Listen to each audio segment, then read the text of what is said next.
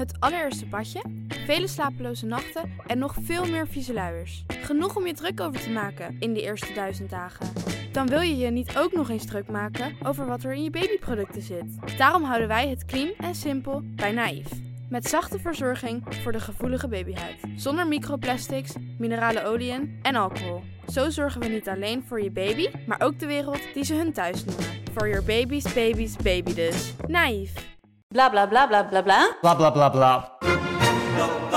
Idealen zijn prachtig, maar woorden verliezen betekenis als je niks doet. Dus laten we met z'n allen wat minder praten en meer doen. Bij Agmea zijn wij vast begonnen. Zo gaan wij voor minder verkeersslachtoffers, gezonde werknemers en duurzame woningen. Waar ga jij voor? Kijk op www.werkenbijagmea.nl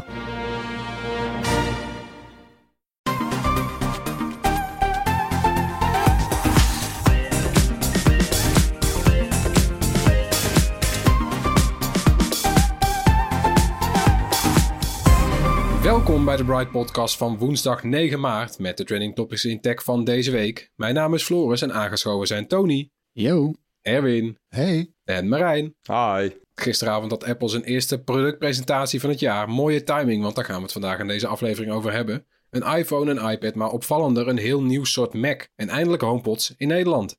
We gaan beginnen. Even omschakelen weer in deze rare tijden. Maar we zagen eigenlijk een ouderwets Apple-event. Met voor de helft verrassingen en voor de andere helft dingen die we eigenlijk wel hadden verwacht. Laten we even kort met dat tweede beginnen. Ja, dan heb je het over de iPhone SE natuurlijk, hè, de nieuwe, derde generatie. Ja, De allereerste. Ik, heb er, eh, ik had er eentje meegenomen vandaag voor de video, die we vanavond uitzenden ook.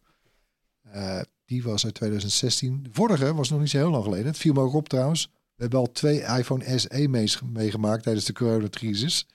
Duurt, Ja. de crisis nou al zo lang? anyway, maar de... Nee, dus eh, heel veel hetzelfde gebleven. Hetzelfde design. Nog steeds die oude form factor met die dikke grote randen boven en onder. De homeknop erop touchen. Die werkt allemaal als een tierenlier natuurlijk. Iedereen is het ook gewend. Maar eh, nee, het enige nieuwe daar is een eh, nieuwe chip. En dan verdorie wel dus de beste die ze hebben op dit moment. Die ook in de nieuwste, duurste iPhone zit. De A15. ja. En 5G. Nou ja, 5G boeit me dan wat minder, maar oké, vooruit. En eh, ja, hij is wel een paar tientjes, tientjes duurder geworden. Dat is dan wel jammer. Ik had eigenlijk gehoopt dat hij misschien juist iets goedkoper zou zijn geworden. Hè, want ja, jongens, dus je kijkt natuurlijk wel naar een design van, eh, wat is het nu? Vijf jaar oud, minstens? Nou ja, Minstens, ja. volgens Het voelt, mij... het voelt als echt klassiek al. Echt lang. Antiek bijna. Ja, Acht die jaar toch? voorkant is toch gewoon iPhone 6, of niet? Eh, ja, Ja, die is uit 2000, 2014. ja nou, kun je nagaan. Maar goed, beproefd, eh, beproefd, eh, kon, hè, beproefd ontwerp.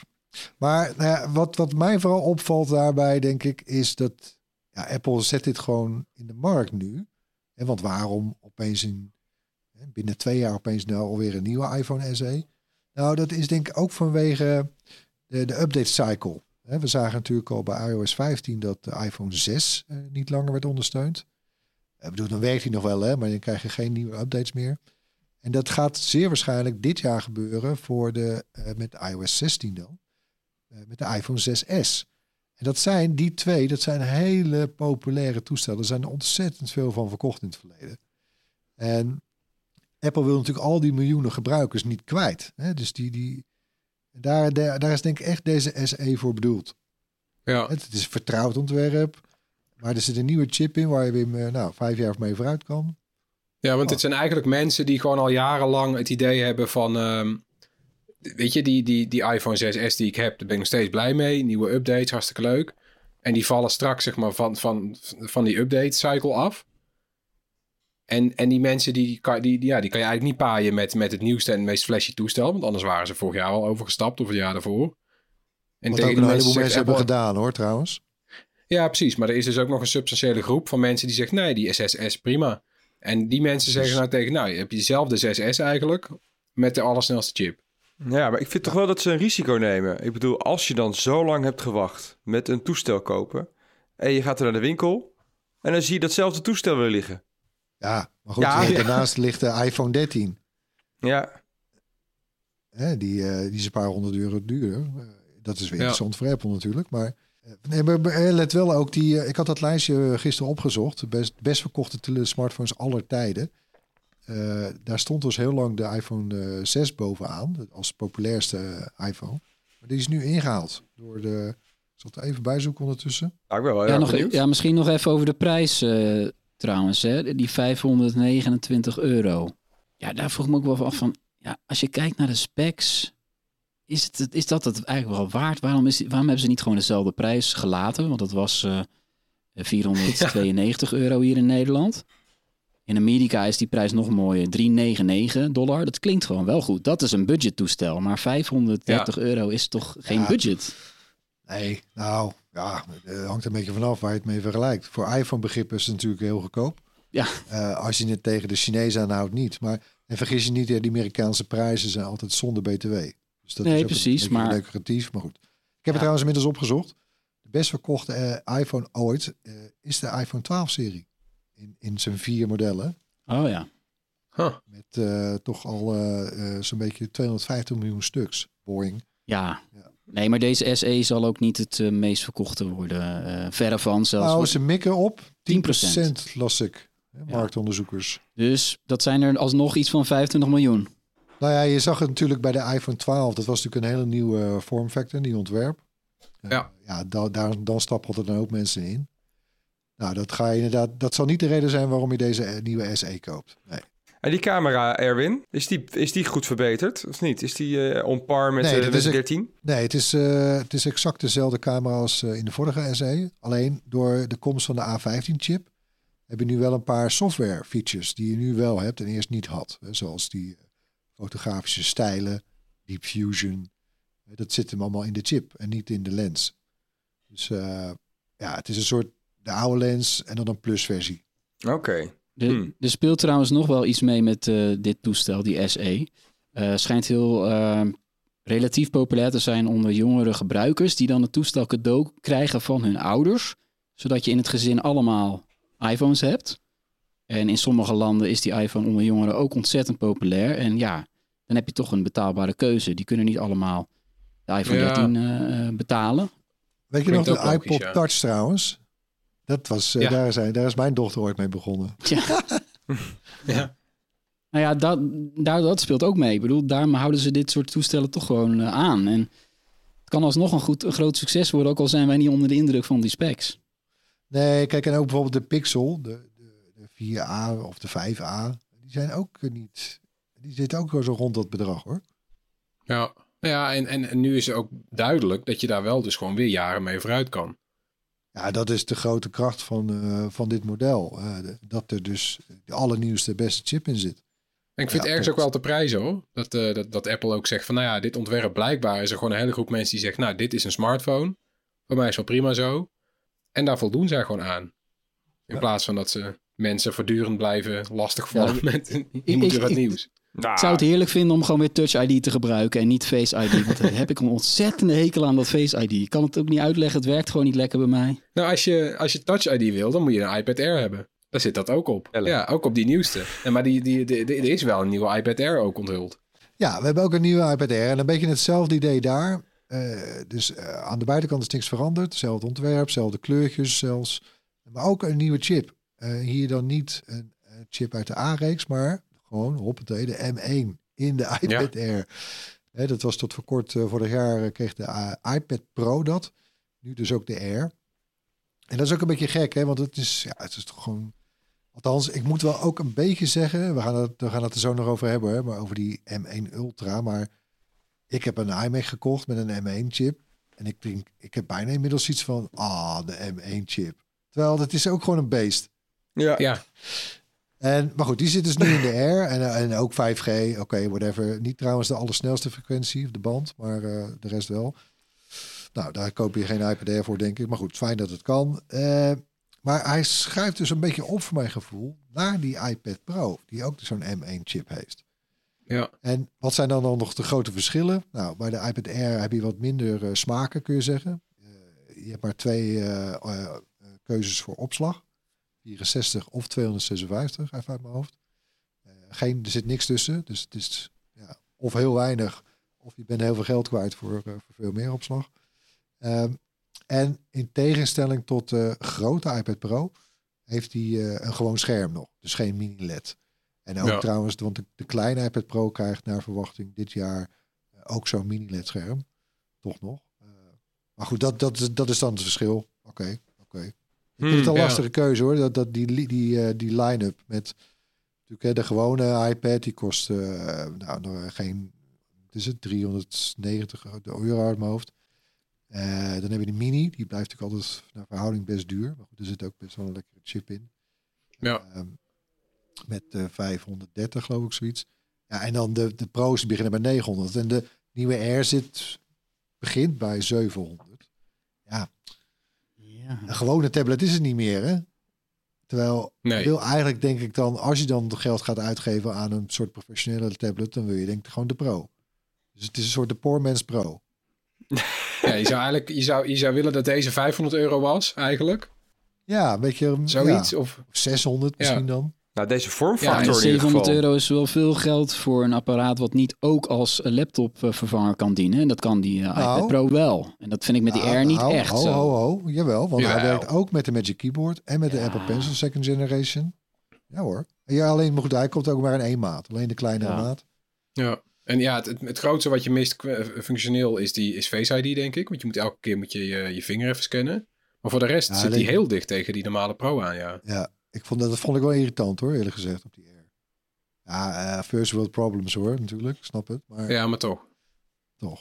Maar betekent het niet gewoon dat die, die pro's binnenkort gewoon ook een flinke stap weer gaan maken omhoog? En dat die, Ja. die maar, iPad Air, Ja, MacBook wat Air, dat is de lijn.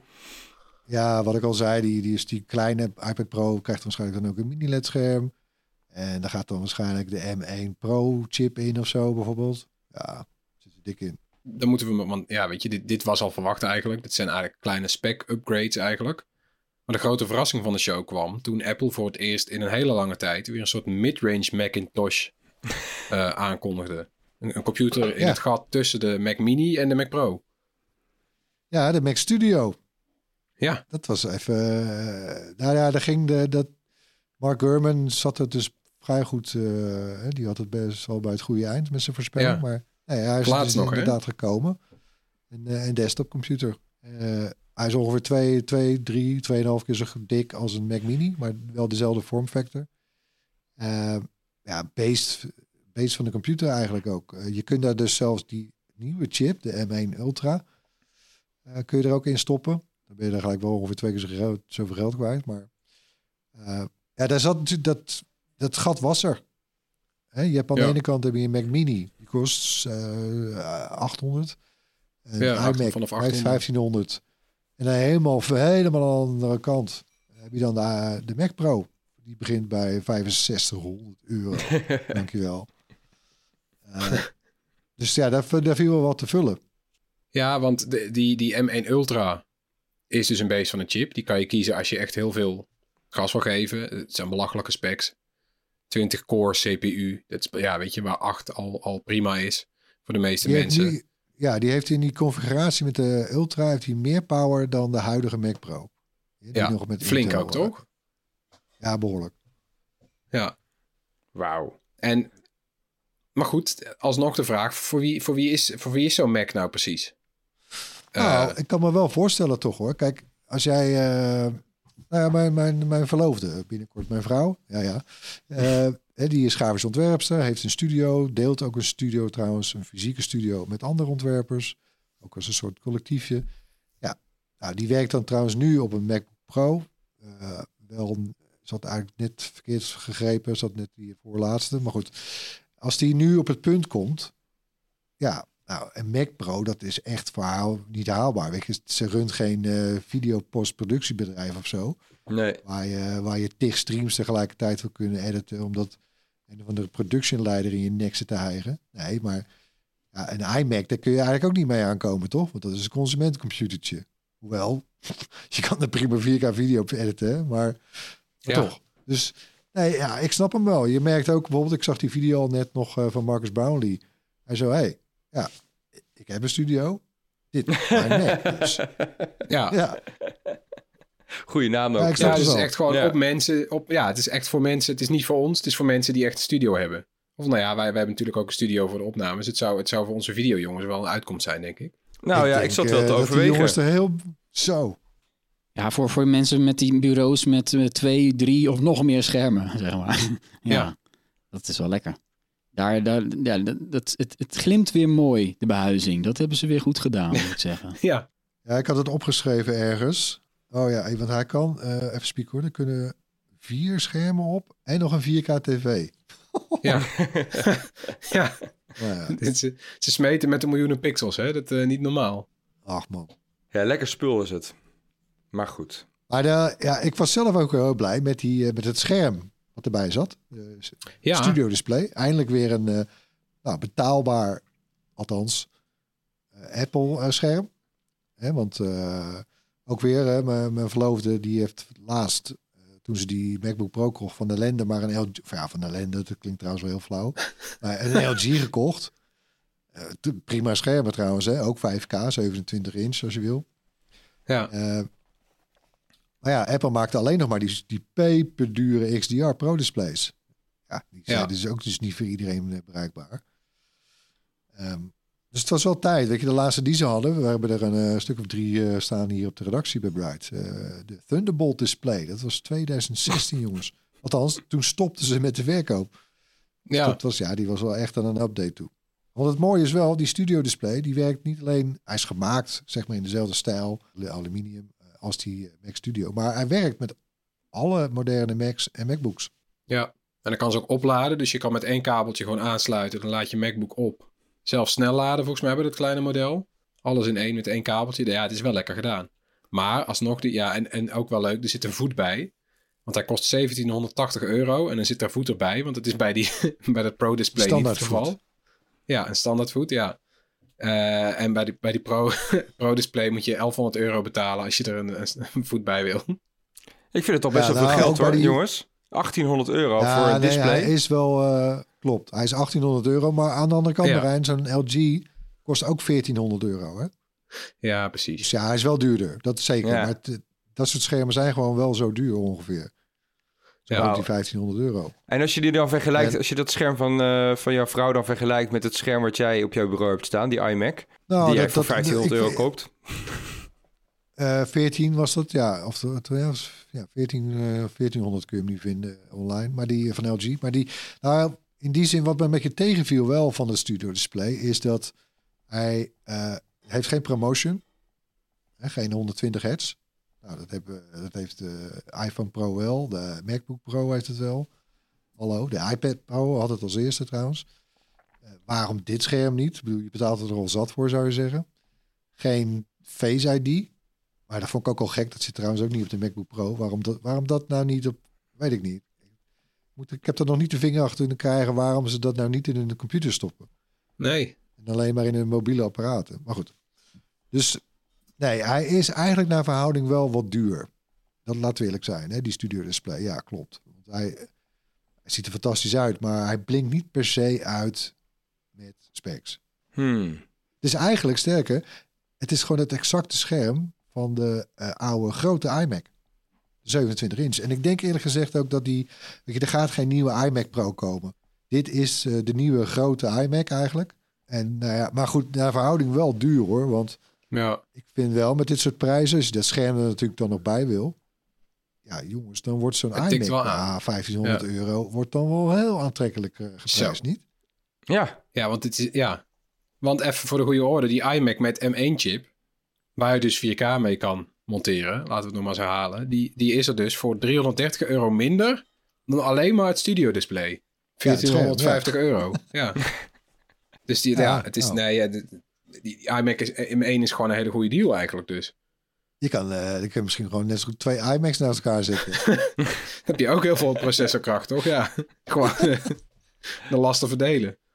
ik zie je wijzen naar Tony, Erwin. Wat was dat? Is Tony dat van plan? Nee, maar de, eh, Tony zit ook altijd een beetje te tellen en te rekenen natuurlijk.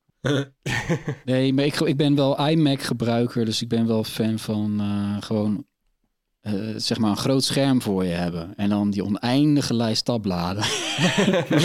ja, d- dit is zo'n groot, dit is 27 inch iMac. Ja, ideaal werken. En, en het is toch, Ik snap het wel, dat de echte mensen die voor hun werk bezig zijn. En het zijn echt niet alleen maar grafische mensen. Nee, Jij hebt inderdaad de 27, hè? Ja, zeker. Ja, nee, maar dus, en, en ik monteer zelf geen video. Nee. Ik ben alleen maar met teksten bezig, met name. Eh, Maar ja, ik vind het toch ook wel iets hebben. Dus, Ja, je wil ehm, gewoon geen ja, dan ga ik hebben. inderdaad voor die iMac, daar ga ik niet voor, ga ik niet voor eh, dat scherm met eh, de Mac Studio. Nee, dat is onzin. Tony Studio. maar al met al, want zo verwarrend als wij de, de iPad line-up net vonden, zo simpel wordt nou de Mac line-up eigenlijk. Want nu is er op elk prijspunt en voor elke soort gebruiker is er wel iets, ook iets nieuws met zo'n M1-chip, behalve de Mac Pro. En die komt nog, zei Apple. Dus daar waren ze Ja. in ieder geval iets, iets, iets duidelijker over dan dat ze normaal eh daarover zijn. Ze zeiden van dat is een verhaal van een andere keer. Maar het is in ieder geval dat is duidelijk dat inderdaad de dat- enige- Ja. Het is de enige computer nog waar, eh, waar geen eigen Apple Silicon in zit. En eh, die komt Ja. eraan, inderdaad. Hmm. Ja. Hebben ze nou die deadline gehaald? Erwin? Die ja, twee jaar? nou, kijk, als, eh, kijk, ze hebben dat natuurlijk eh, op WWDC twee jaar geleden aangekondigd. Nou, bijna twee jaar. Dus, en ze zeiden, we gaan het doen in twee jaar. Ja. Dus nou, ze hebben nog drie maanden. Ja. Nou, dat redden ze wel, denk ik net. En het, maar goed, ik zit natuurlijk wel gelijk te, dan te dubben en te denken van ja, wordt het dan... Want daar moet natuurlijk een nog zwaardere chip in. Maar is het dan een M1? Nou, ik weet niet wat er nog boven Ultra zit. Eh, Niet veel, geloof ik. Maar of wordt het de M2? Of hoe gaan ze... Nou ja, Vaak zitten daar meerdere chips in. Dus ik gok voor de grap maar gewoon even dat het, eh, het gewoon twee of vier M1 eh, Ultra's zijn. de M1 Quattro. Ja. En dan kan je er dus... eh, hoeveel kan je dan kwijt? Ja, dan kan je bijvoorbeeld eh 512 gigabyte RAM. ja, dat zijn vier M1 Max chips aan elkaar. Ja, En waar, waar zoiets. de M1 Ultra twee M1 Max chips aan elkaar zijn. Ja, nou, dat zou best wel kunnen eigenlijk. Ik zet in, ik zet in, ik doe nu een poeltje. Ik zeg M1 Quattro. Quattro. Lekker Audi, Audi naam. Nee, ik zeg de, de volgende stap is gewoon M2 hoor. Dat mag ook wel eens, toch? Ja. En stiekem is die M2 gewoon die Quattro. Ja, en ondertussen was er ook nog een gerucht trouwens dat de volgende MacBook Air met een nieuw ontwerp, dat die dan wel weer gewoon de M1 krijgt. Maar dat voelt dan inderdaad, wat Erwin ook al zei, dat voelt dan toch een soort van als het een, een stapje terug is of zo. Tussen altijd geweld van Pro en Max en Ultra. Nou ja, ze zijn natuurlijk destijds begonnen met de Air en de Mini en de instap eh, MacBook Pro. Nu nog de, de 13 inch dat model. Voeren ze nog steeds. Eh, die had ik stiekem eigenlijk ook wel verwacht bij deze aankondiging. Maar eh, niet dus. Maar goed, daar zijn ze toen mee begonnen, de cyclus. Dus ook best kans, kans dat als ze aan de tweede cyclus beginnen met een M2, dat ze ook weer met die modellen beginnen. Ja, vind ik ook wel, ja. En eh, daar was de presentatie mee afgelopen, maar nog niet voor ons Nederlanders, want eh, tegelijkertijd, ja, eindelijk, eh, is ook de HomePod Mini in Nederland te koop, officieel via Apple. Daar hebben we even op moeten wachten. Dat was grappig, want ja, er was natuurlijk, wat je al zei, er was helemaal geen aandacht voor tijdens die presentatie. Natuurlijk niet, want dat ding is al, al een hele tijd uit in diverse landen, maar bij ons niet. En nu eindelijk wel, staat op de site. Een nieuw kopje, tv en woning heet het geloof ik. En daar staat nu, eh, daar staat hij hoor, verdomd. Ja, eind maart, eh, is nog geen exacte datum, 109 euro. Vijf kleuren, wit, zwart, blauw, geel, oranje. Ik heb alleen de blauwe nog niet. Maar de, want je kon, je kon, ja, nou ja, je kon er wel al aankomen via grijze import. Maar eh, het is wel mooi dat hij officieel nu komt.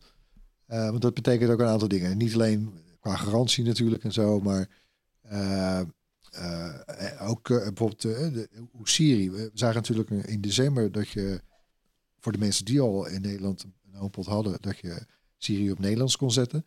Maar eh er gaat in 15.4, iOS 15.4, dat is het dan ook de software voor HomePod OS. Eh, voor zover dat eh, gevoerd wordt naam. Maar anyway, dan kun je persoonlijke verzoeken doen aan Siri. Dus dan worden je, worden je stemmen herkend van elk gezinslid. En dan kun je, als jij vraagt naar je agenda, dan leest Siri alleen jouw agenda voor en niet die van andere gezinsleden. En je kan dan ook berichten gaan dicteren en, en laten verzenden. Wel handig, wel leuk. Cool. Welke kleur is het mooiste, Erwin, die je hebt tot nu toe? Eh, nou, degene die mij het meest meevalt is de gele. Want de oranje, die heeft zo'n wit eh, eh, plaatje bovenop. Dat, dat vind ik minder fraai, eerlijk gezegd, toch in het echt. Maar die gele heeft een geel plaatje. Hmm. Dat ziet er wel kek, ziet er wel kek uit. Hmm. Oké. Ja, dat is handig voor de kijker Ja, om en te trouwens, weten. eh, kijk, de HomePod Mini even nog inderdaad voor, voor degene die, eh, die, die, die zoiets hebben van, hè, waar hebben we het nou eigenlijk over? Maar Hè, dat is natuurlijk eh, Apple slimme speakers. Hadden ze begonnen ooit met de grote HomePod. Die verkopen ze niet meer. Ze hebben nu alleen de mini. En nou ja, kijk, het heeft ook wel even geduurd, want eigenlijk al in al je apparaten zit al Siri. Dus, maar goed, mensen willen toch een speakertje, vinden ze ook leuk. En ook voor de muziek natuurlijk. Als ik, als ik kijk naar het gebruik van die, home, van die kleine homepods bij mij thuis, dan zijn het vooral mijn dochters die daar eh, elke dag mee in de weer zijn. Met, eh, wat is het weerbericht 's ochtends, want dan weten ze wat ze aan moeten doen. Tot aan Ja. natuurlijk muziekjes eh, spe- afspelen. En ze klinken best wel goed hoor, voor zo'n klein speakertje. Veel beter dan die, de kleinste speakers van Google of Amazon. En het zijn soundbar Voor Ja. kost het maar de helft. Je kan ze ook gebruiken als soundbar, toch? Ja, je kan er met twee stuks kun je een stereopaar maken. Dat kun je zelfs als je een Apple TV hebt ook aan je tv koppelen. Zou ik niet doen trouwens, want daar zijn ze dan vind ik toch net even iets te mager voor. Ik gebruik daar zelf eh, die grote homepods voor. Ja, die hebben gewoon veel meer power en, eh, en body in het geluid. Eh, maar zeker voor, weet je, voor muziek in een, in een gemiddelde kamer. Ja, is gewoon echt wel lekker hoor. Ja. Ja, en de lol is ook gewoon, en dat is natuurlijk met die andere smart speakers ook zo, dat je niet hoeft te, je hoeft niet via Bluetooth of zo te streamen of niet te casten. Je hebt niet van het gedoe dat er iemand belt en dat je ineens via de speaker. Nee, die, weet je, die speaker doet gewoon muziek. En dat is het. En als jij uit het huis loopt, dan gaat die muziek nog door. En dat, weet je, je hoeft er niet over na te denken. Ja, Dat vind ik zo fijn met dit soort dingen.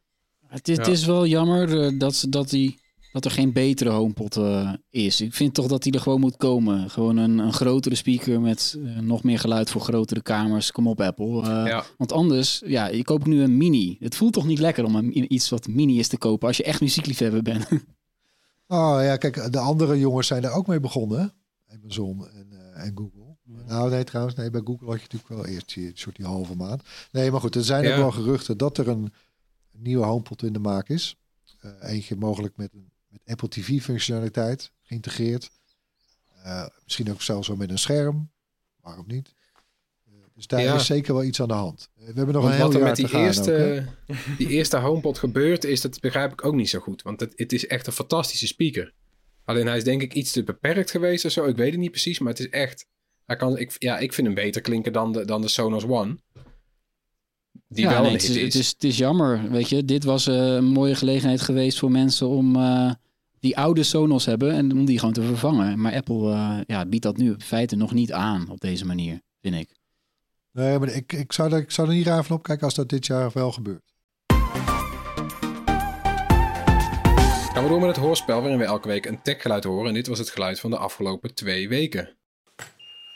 Ja, daar was En? een, En? ja, daar was een, een hint voor nodig. Maar hij is, eh, er zijn meerdere goede antwoorden binnengekomen. Waaronder eentje met heel eh, zelfs de tijdcode uit de video. Want het is een geluid uit de video van ons. Namelijk die video waarin David het Sentinel ringslot met GPS-tracker Oh, eh, god. reviewt. Ja. De tip was om nog een ringetje te halen. Dus, eh, en dat, dat heeft onder meer ontdekt Joffrey op den Kamp. Die eh, met 3 minuten 24, dat is het moment uit de video waar het geluid uit komt.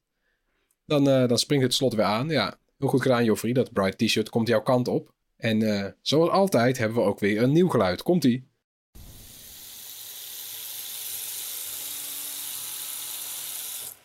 Ja, als je denkt dat je weet wat dit is, stuur je antwoord dan naar podcast.bright.nl. Onder de mensen die het juiste antwoord insturen, verloten we zo'n gewild Bright t-shirt.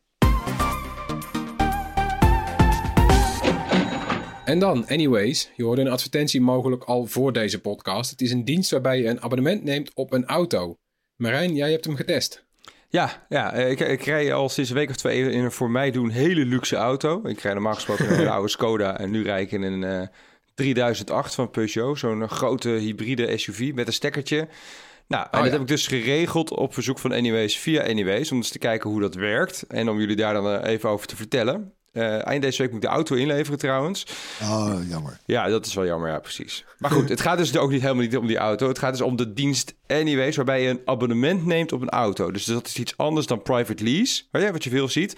Ja, als je een private lease contract aan gaat, dan zit je daar drie, vier, vijf, misschien wel zes jaar aan vast. Eh, En dat heeft bijvoorbeeld een negatieve invloed op het afsluiten van je hypotheek. Hè? Want de bank zegt dan, hey, je bent elke maand ben je zoveel honderd euro kwijt aan je auto. Ja, dat kan je niet Ja. aan je huis uitgeven. Dus kan je minder bij ons lenen.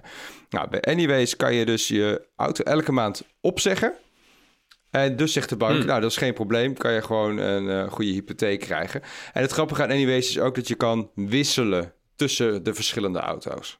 Hoe werkt dat Het zal wel dan? duurder zijn dan. Nee. Ja, precies. Ja, daar kom ik zo op, eh, Erwin. Dat is inderdaad eh, goed geraden van je. Nou ja, dat, dat, dat wisten we. Dat, dat gaat wel... eh, ga- dat, dat het aanvragen van zijn auto, dat gaat eigenlijk heel gemakkelijk. En dat hoef ik niet te zeggen omdat ze de sponsor zijn. Dat gaat echt...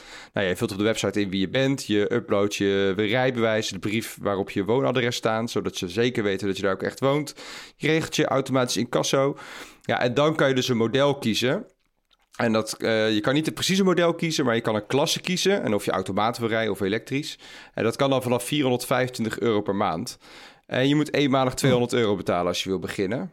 Nou ja, goed. Eh, het is inderdaad duurder dan private lease. Maar dat is dus omdat je die flexibiliteit krijgt. Maar niet heel veel duurder, geloof ik eigenlijk, toch? Nou ja, het ligt eraan naar welk model je gaat kijken. Dus het zit een beetje tussen eh, huren is echt heel duur, zeg maar. Als je elke dag een auto gaat huren. Private lease is redelijk goedkoop. Kopen is nog altijd het goedkoopst natuurlijk gewoon. Eh, en dit zit er eigenlijk tussenin, in het midden. Het is net dat gat proberen ze eigenlijk te vullen.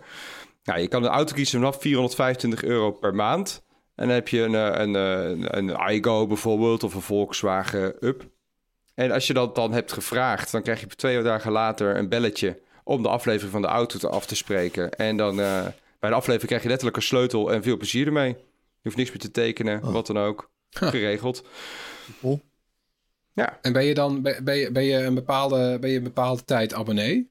nou ja, eh, minimaal een maand. En daarna kan je dus gewoon opzeggen. Ja, precies. En je kan dus ook wisselen wanneer je wil. Dus dan zeg Ja. ik, heb op de vakantie een grotere auto nodig, dan huur ik voor één maand een grotere auto. Ja, precies. Voor je woon-werkverkeer is misschien zo'n iGo prima. Maar als je dan op vakantie gaat, dan wil je misschien toch die Peugeot 3008 hebben... waar je gewoon wat meer in kwijt kan en je hele gezin kan meenemen. Dus eh, die Voor de rest flexibiliteit... is ook eh, alles geregeld. Ja, wegenbelasting zit erin, verzekeringen zit erin, onderhoud zit erin. Dus alleen eh, de benzine of de stroom, als je een elektrische hebt, die, eh, die moet je eigenlijk eh, ja, moet je zelf betalen van je eigen bankrekening. Ja, Dus het is Zou, Ja. zou jij het doen? Nou, ik zelf denk ik niet, want ik, eh, eh, ik heb een re- redelijk regelmatig leven. Dus ik weet wanneer ik een auto nodig heb. Ik moet ook eh, veel kilometers maken wel.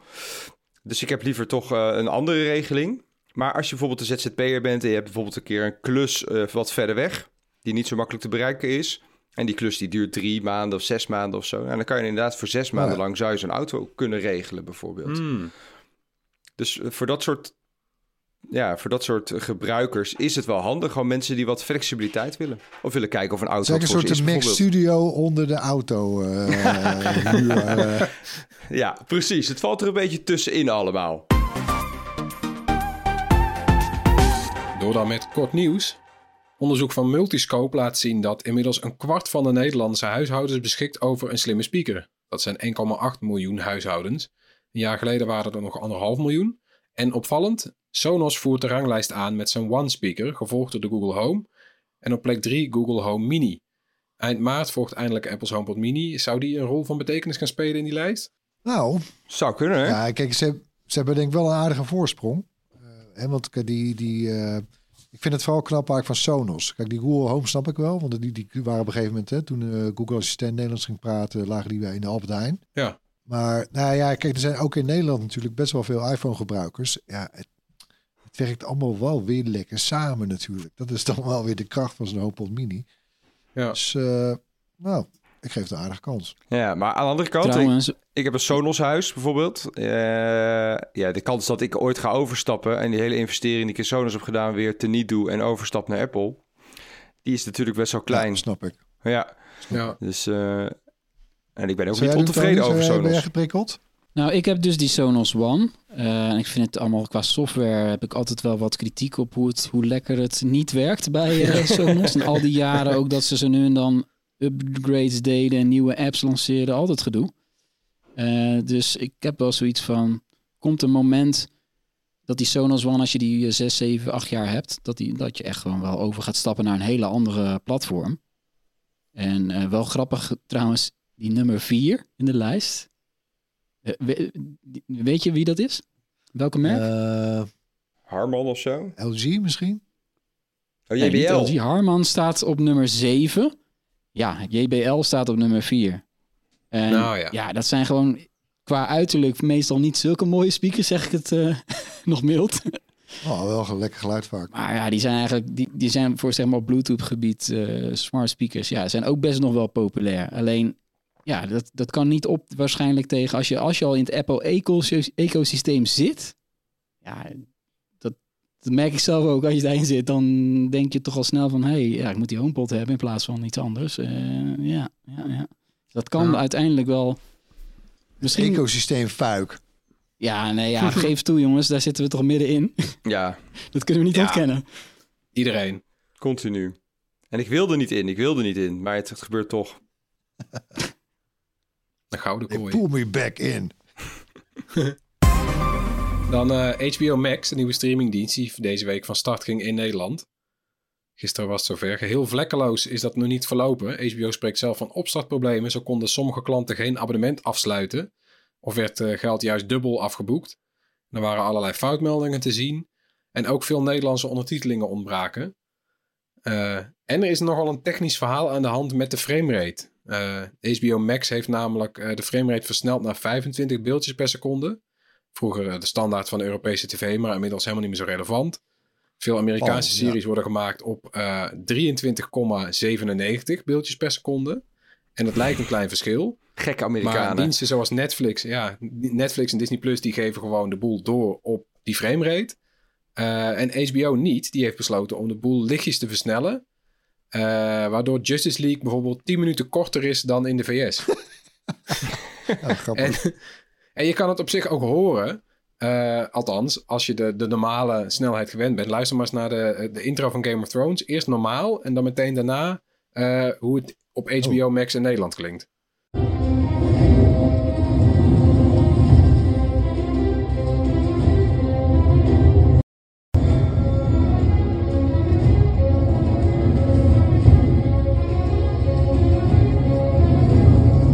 Maar ik, de grap is natuurlijk dat Ziggo, die de rechten op HBO had, al die jaren op de Nederlandse tv, dit ook dus zo heeft uitgezonden. Versneld. Alleen, ja, vraag me af van, ja, dat, dat merken Nooit last mensen... van gehad hoor. Nee, daar heb je dus geen last van, want de originele... Nee, nou, ik, voor, mij, voor mij viel alles op zijn plaats. Want ik heb wel eens bij mensen thuis via Ziggo legaal Game of Thrones gekeken.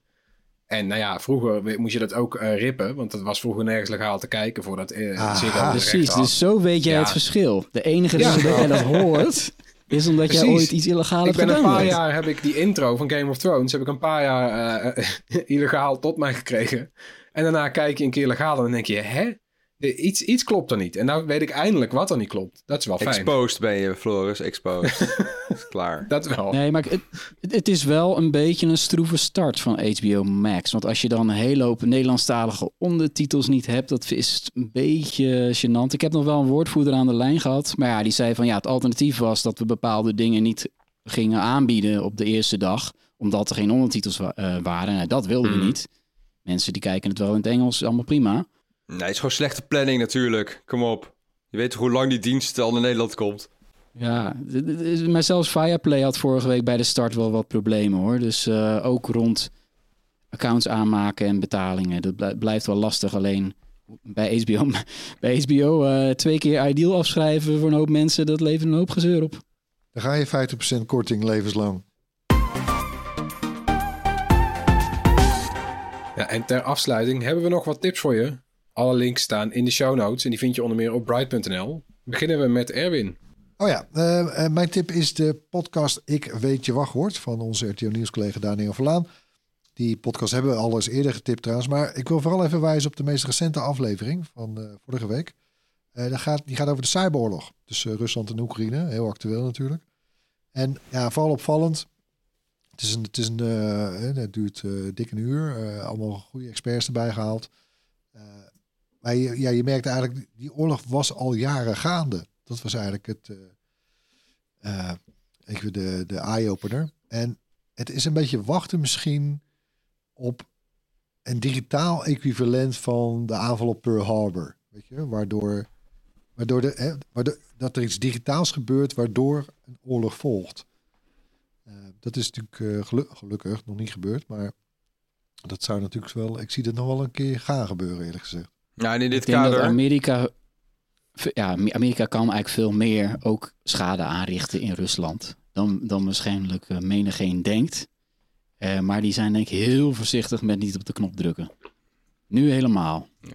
Ja, Nou, check ook nog even, even zelf plug. Check even mijn cyberoorlog video op het YouTube kanaal van Bright. Want daar, daar leg ik uit hoe kwetsbaar Nederland is voor die cyberoorlogen. Want het, een cyberoorlog is leuk natuurlijk dat je dat op een land richt. Maar netwerken zijn met elkaar verbonden. Virussen en malware kan zich ook zelfstandig eh, verspreiden via de andere netwerken. En daar kunnen ook andere landen weer last van krijgen. Dus eh, Ja, Ja. goeie. goed. Spannend. Ja. Wat heb, wat heb je zelf, Floris? Ik heb zelf een tipje, eh, wat we aansluiten op HBO Max. Want weet je, laten we maar even ervan uitgaan dat die opstartproblemen binnenkort verholpen zijn. Dan is het wel een hele complete dienst. Want HBO gaat al heel wat jaartjes mee. Eh, en de VPRO-gids die heeft een eh, lijstje gemaakt met de 30 beste series op HBO Max. Zoveel hebben ze inmiddels al. Met bijvoorbeeld Band of Brothers. Gouden ouwe. Eh Chernobyl, een stuk eh, recenter. En misschien nou ook weer toch wel eng relevant. Eh, er staan dingen op zoals Watchmen. Fantastische serie inderdaad. Sopranos. The White Lotus. Ja, Succession. Ook echt een fantastische serie. En ga zo maar door. Dus als je denkt van nou, zou op eh, HBO Max iets van mij staan, ga even door dat lijstje. En ik kan me niet voorstellen dat er niet iets bij staat waarvan je denkt, oh ja, daar heb ik van gehoord of dat zou ik wel eens willen zien. Goeie. Gaan we door met de tip van Tony. Ja, eh, een Netflix eh, docu-serie heb ik eh, dit keer. Ehm, de Andy Warhol Diaries. Gaat natuurlijk over de beroemde kunstenaar. Maar het bijzondere aan deze documentaire is dat de voice-over wordt gedaan door Andy Warhol zelf. Maar die leeft al, al lang niet meer. Hoe kan dat? Dus dat is toch wel... Ja, precies. Eh, nou ja, ze hebben ooit hebben ze drie minuten en twaalf seconden aan stemopnames van hem eh, gehad. En ergens in de jaren zeventig was het. En die is, is gebruikt door met eh, artificial intelligence eh, de voice-over bij deze docu eh, te genereren. En het is dan ook gedaan op basis van zijn eigen dagboeken. Eh, die vreemd genoeg al niet eens geschreven waren, maar die waren, zijn dagboeken sprak hij in door iemand te bellen. door een vriend van hem te bellen, grotendeels. Te lui om te schrijven, denk ik. Wauw. Hè, dus het is, het is niet zo dat men nu iets, een scriptschrijver, eh, nu de woorden van Andy Warhol ineens eh, op zijn laptop toverde. Ze gebruiken wel zijn echte woorden, want dat ligt best wel gevoelig ook bij de nabestaanden van mensen. Want dit zal steeds vaker gebeuren, dat er dus mensen die al niet meer leven, toch te horen zijn. En eh, ja, dit is een voorbeeld dan. eh, de Andy Warhol Diaries staat sinds vandaag op Netflix. Cool. Hey, even een vraagje tussendoor, mag dat? Wie van jullie houdt er een dagboek bij? Niemand, hè? Hmm. Nee, Ik heb dat wel eens overwogen toen ik heel veel apps reviewde. En dan kwamen altijd heel veel dagboek-apps voorbij. En dan wilde ik die altijd langer proberen. Maar ik, ik heb het gewoon niet. nee Moet maar trouwens ook denken aan eh, Luke Skywalker in eh, ja, die serie met, van Boba Fett. De jonge versie van eh, Mark Hamill. ja, ja. Hoe Hij, hij weet ervan en hij heeft er aan meegewerkt. Maar het kan inderdaad ook zomaar gaan gebeuren dat je eh, overleden acteurs, actrices weer tot leven kan wekken met stem en al. Dus ja, we- misschien een keer een podcast aan wijden. Ja, zou dat al in Ja. contracten staan? Na je overlijden mogen we series blijven maken met jouw opnames. Zo. Ja, met Wow. jouw beeldenis, ja. Ja. Ja. Nou, dit, het- zeg maar, de nabestaanden van Andy Warhol hebben wel toestemming hiervoor gegeven trouwens. Hè? Dus het is niet dat dat nog een ruil Ja. wordt. Nee, dat is niet waar. Maar Nee, Ja.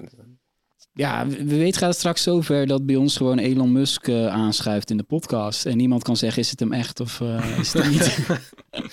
Eindelijk gelukt. ja. En dan eh, als laatste de tip van Marijn. Ja, een, eh, een, een, een, een hele spannende en met heel veel plot twists. eh, een televisieserie op, of televisieserie, een Netflix-serie, Pieces of Her. Gebaseerd op een boek van Karen Slaughter.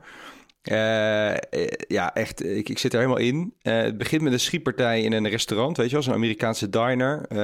waarbij de moeder van de hoofdpersoon, haar dochter dus, haar moeder die, die, ja, die doodt op een gegeven moment de koele bloeden de schietende man. En in de aflevering daarna komt die dochter er langzaam achter dat haar moeder een verborgen verleden heeft. Want doordat zij die heldenrol speelt in die diner, door die dader dood te maken, wordt zij natuurlijk eh, bekend. Wordt zij als held. En ze, vraagt daarop om haar, haar dochter om te vluchten naar een bepaalde plek. En eh, nou, vanaf dat moment is het één grote rollercoaster. En eh, iedere keer zitten dingen toch net anders dan je denkt. Eh, en het is gewoon ontzettend goed gemaakt. En de hoofd, eh, die, die moeder, dat is eh, Toni Collette. Dat is een Australische actrice. Hè, die ken je misschien wel van The Sixth Sense of eh, About a Boy of eh, Little Miss Sunshine. Hm. Zeker een aanrader. Nou, tof. Al deze tips zetten we natuurlijk eh, in de show notes. Bedankt weer voor het luisteren. Laat gerust iets van je horen. Mail naar podcast.bright.nl. Zoek ons op op alle social kanalen. En we horen je volgende week weer. Of jij hoort ons volgende week weer. Doei! Bye. Doei!